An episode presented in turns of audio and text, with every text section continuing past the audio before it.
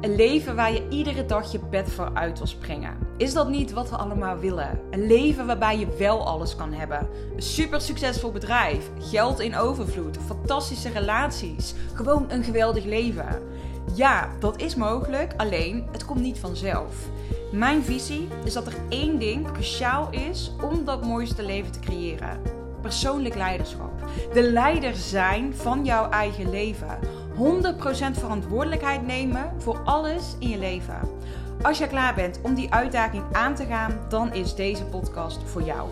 Mijn naam is Ellen en ik ben de uitdaging met mezelf aangegaan.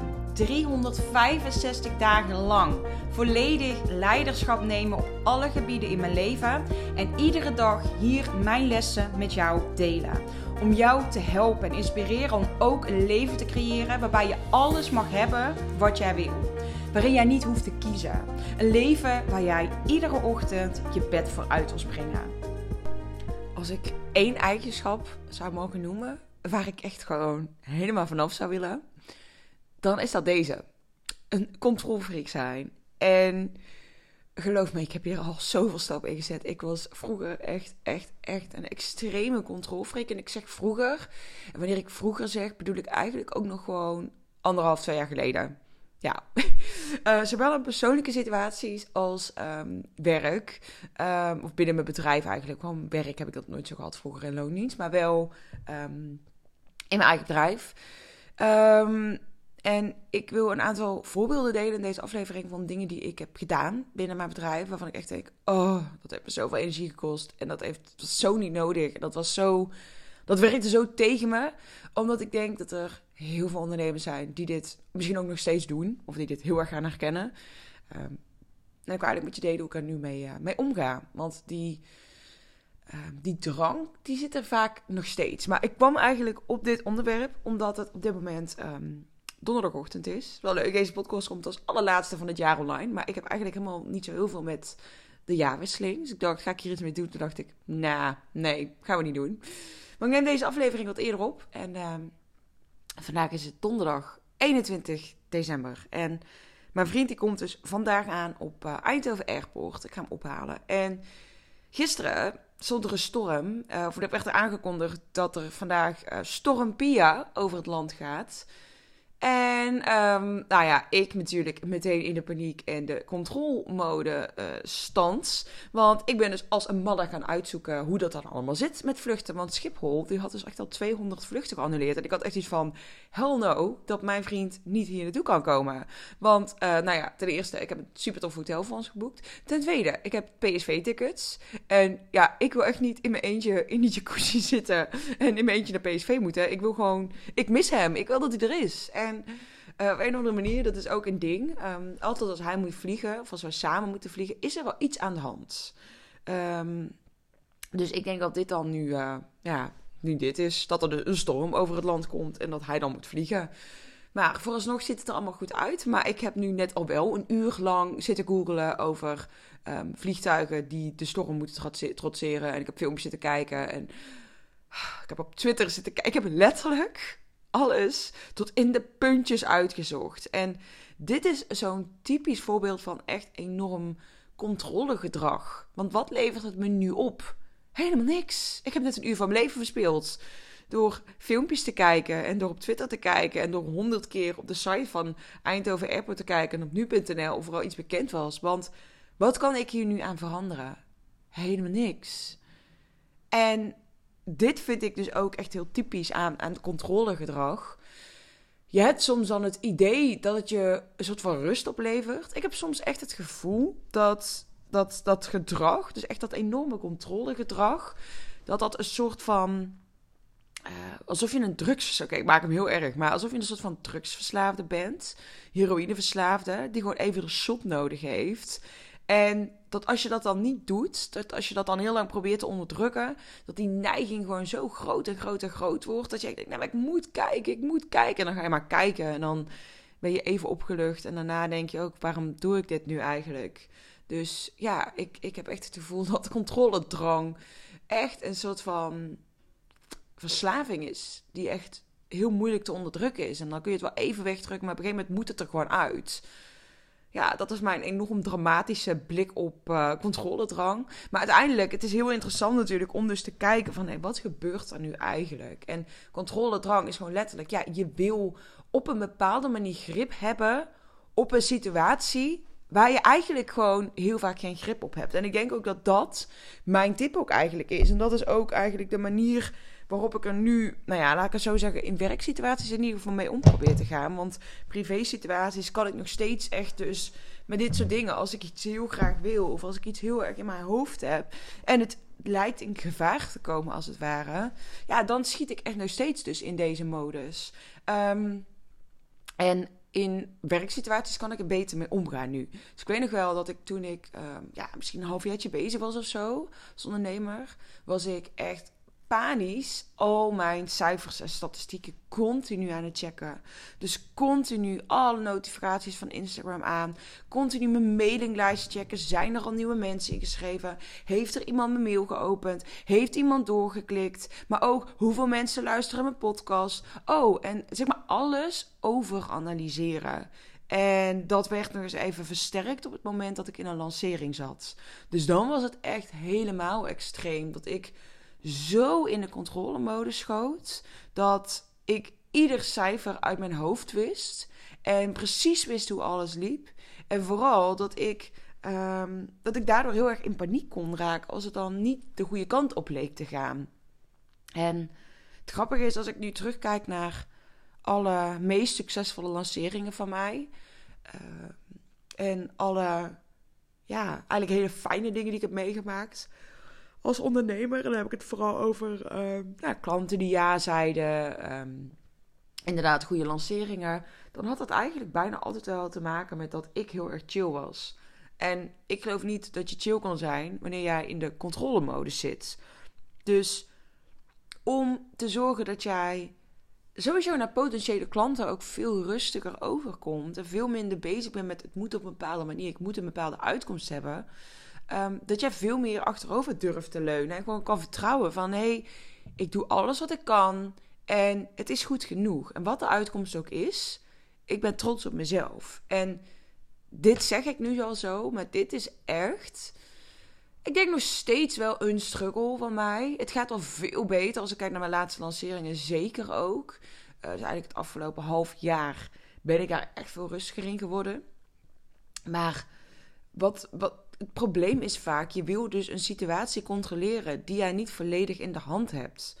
Zeker dus als je ondernemer bent en je zit bijvoorbeeld in een lancering. Ja, je kunt een x aantal mails sturen. Ja, je kunt een x aantal berichten sturen. Ja, je kunt een x aantal gesprekken voeren en mensen uitnodigen voor een gesprek. Maar uiteindelijk, ehm, als jij gewoon alles doet wat jij kan en wil doen, dan kun je vanuit daar beter alles daarna gewoon loslaten.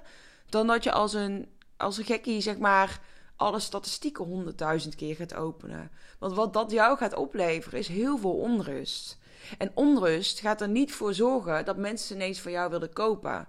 Want ik geloof dus ook echt dat, dat die onrust, die is, um, die is, die is heel, um, hoe zeg je dat? Die is voelbaar. Mensen voelen dat, mensen proeven dat. En dat is bijvoorbeeld ook waarom ik zelf altijd een soort van haat-liefde verhouding heb gehad met lanceren. Want aan de ene kant vind ik het fantastisch, want er zit even lekker een druk op. En het is echt even zo'n piekmoment. Aan de andere kant weet ik dat in lanceringen mijn, ehm, mijn gevoel van uh, controle willen hebben op een situatie waar ik eigenlijk geen controle op heb, heel erg getriggerd kan worden. En dat vind ik ook zo mooi. Mijn laatste lancering was voor mij in oktober. Had ik, nou, toen heb ik zeg maar mijn groepsprogramma opnieuw gelanceerd. Volgens mij had ik toen 15.000 euro lancering gedaan. En dat was een hele fijne lancering. En de reden dat het zo fijn was, was dat ik echt nul druk voelde, nul controle voelde. Ik voelde gewoon, joh, dat komt allemaal wel. Die klanten komen wel. En als ze niet komen, dan is het ook oké. En ik zit er gewoon super lekker bij. Ik ben blij. Ja, het voelde gewoon lekker. En doordat ik er zo lekker bij zat, straalde ik dat ook uit. Bijvoorbeeld als ik een podcast opnam, of als ik een post plaats op social media, of als ik stories opnam, of als ik berichten plaatste in mijn community. Dat ik niet die controlerende ondernemer was die niet tevreden was en maar panisch probeerde om er alles nog uit te halen, want die ben ik ook geweest. Maar dat het gewoon echt vanuit een gevoel van rust was en vanuit een gevoel van overvloed.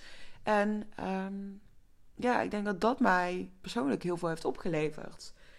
En ja, ik, ik denk ook dat als we het dan toch hebben over lanceringen en bepaalde resultaten willen halen, weet je, dan kan ik 20 podcastafleveringen opnemen. Maar wat ik daar nu wel over wil zeggen is wat ik heel mooi vond eigenlijk. Ik had, ehm, ik heb meerdere klanten die bijvoorbeeld de laatste ronde, bijvoorbeeld voor mijn groepsprogramma zijn ingestapt. Of mensen die mij al super lang volgen en die dan bijvoorbeeld nu pas één op één met mij aan de slag gaan. Ik denk ook dat dat het is. Dat ondernemen ook ehm, betekent dat, um, dat je ook mensen het op hun eigen tempo laat doen.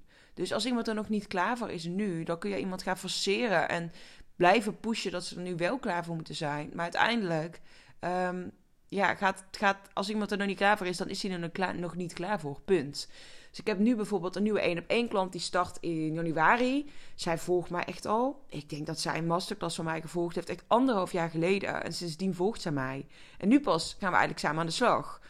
Um, ik had even kijken. Gisteren las ook heel leuk. Ik, ik, luisterde nog of ik keek nog een video testimonial terug die opgenomen is tijdens mijn live dag. Um, de dame die mijn uh, video's opnam, die heeft dus met uh, een aantal dames een videotestimonial opgenomen. Dus ik had deze nog niet gekeken. En een van die meiden zei ook, ik wist dat helemaal niet. Maar ze zei, ja, ik volgde Elle al, ik denk een jaar of zo op Instagram. En ik dacht, oh, dat wist ik helemaal niet. Dus zij is dan nu pas klant geworden. Uh, maar zij volgde mij al wel een jaar. Dus een jaar geleden was zij nog niet klaar om die stap te nemen. En nu wel. En ook een andere dame, ze had bijvoorbeeld afgelopen zomer van mij al een workshop bijgewoond. Maar zij is uiteindelijk pas in um, november met mijn programma begonnen. Dus dat controleren en dat mensen willen pushen als het ware om nu in te stappen of om nu jouw product of dienst aan te schaffen, um, kan er ook voor zorgen dat zij worden afgeschrikt en zoiets hebben van, nou, als het op deze manier moet, laat maar. Uh, en jij hebt dan misschien het gevoel van, hé, hey, er gebeurt niks. Of mensen komen niet in actie. En hoe kan dat nou? Maar dat kan dus echt zo zijn dat ze nog niet klaar zijn. Zeker als ik bijvoorbeeld kijk naar... Um, kijk, ik werk met ondernemers die gewoon echt, nou, echt al een stuk verder zijn. En ik heb dus ook mijn startersprogramma. En bij die starters merk ik gewoon echt dat het bij hen vaak wat langer duurt. Omdat het voor hen ook nieuw is en spannend. En ze zijn vaak nog niet meteen op dat punt dat ze ook een investering durven te doen om die droom waar te maken. Want zij zij zijn nog niet zo ver. Zij moeten zelf eerst nog bepaalde mentale stappen zetten. En mogen nog gaan inzien van... hé, hey, dit is echt wat ik wil en ik mag hiervoor gaan en ik mag hierin investeren. Dus dat controleren, dat gaat je eigenlijk niks opleveren. Alleen maar heel veel onrust. En het grappige is dan wel... en ik denk dat daarom vergelijk ik het ook met een soort van drugsverslaving... van het geeft je even een goed gevoel... Maar uiteindelijk voel je alleen maar slechter over jezelf. Ik heb bijvoorbeeld altijd met roken gehad. Als ik dan gestopt was met roken en ik voelde toch ineens weer enorm sterke drang. Ja, maar ik wil wel roken. En dan stak ik die sigaret op. En eigenlijk gewoon nadat ik die eerste sigaret uitmaakte, dacht ik al... Ja, waarom heb je dit nou gedaan, Ellen? Nou ben je weer verslaafd. Waarom deed je dit nou? En dat is eigenlijk hetzelfde wanneer ik dan bijvoorbeeld helemaal panisch mijn mailingprogramma ging kijken. Of mijn podcast statistieken ging checken. Of mijn Instagram stories ging checken. Dat ik echt dacht, ja het voelt even lekker. En daarna denk je echt, waarom doe ik dit nou? En ik wil eigenlijk jou ook vragen. Wat zijn nu de dingen die jij doet... waarin uit jij nu, nu nog bepaalde controledrang... waarvan je gewoon weet... eigenlijk is dit niet goed voor me. Eigenlijk levert het me niks op. En eigenlijk is dit echt gewoon puur een situatie willen controleren... die jij niet kan controleren. Omdat de uitkomst als het ware toch al bepaald is. En daarmee zeg ik niet van Um, ik vind zeker dat jij gewoon zeker in een lancering echt allemaal dingen, verschillende dingen kan gaan doen en mag gaan doen. En je mag ook absoluut bijsturen. Maar ik denk dat je zelf heel goed weet wanneer jij bezig bent met optimaliseren en bijsturen. En wanneer je gewoon keihard in die controledrang zit. Dus ik ben heel benieuwd wat deze aflevering met jou doet. Heel benieuwd ook. Deel het vooral met me. Als er dingen zijn waarvan je denkt: oh ja, hier zit ik nog heel erg in de controledrang. Of deze vind ik heel lastig. Stuur me ook vooral een berichtje op Instagram. Um, ik ben heel benieuwd wat dat voor jou is. En misschien is het ook wel super herkenbaar voor je. Misschien heb ik nog wel een goede tip voor je. Geen idee. Maar ik vind het heel leuk ook om met je in contact te komen. En uh, ja, nou, daar ga ik deze mee afronden. Dus ik ga dadelijk hopelijk gewoon mijn vriend ophalen op uh, Eindhoven Airport. En uh, dan gaan we een hele leuke middag en avond tegemoet. En daarbij ga ik deze aflevering afronden. En als jij deze aflevering ook daadwerkelijk luistert op de laatste dag van 2023, zou ik zeggen hele fijne jaarwisseling. En ehm, alvast de allerbeste wensen voor 2024. En dan spreken we elkaar volgend jaar weer. 365 dagen lang deel ik iedere dag een podcast. En ik wil deze podcast zo groot mogelijk laten worden. Vond je deze podcast interessant? Deel hem dan vooral op social media. Tag mij en vergeet ook niet om de podcast te beoordelen. Ben je benieuwd naar mijn actuele aanbod? Check dan de beschrijving van deze podcastaflevering. Hopelijk tot morgen weer.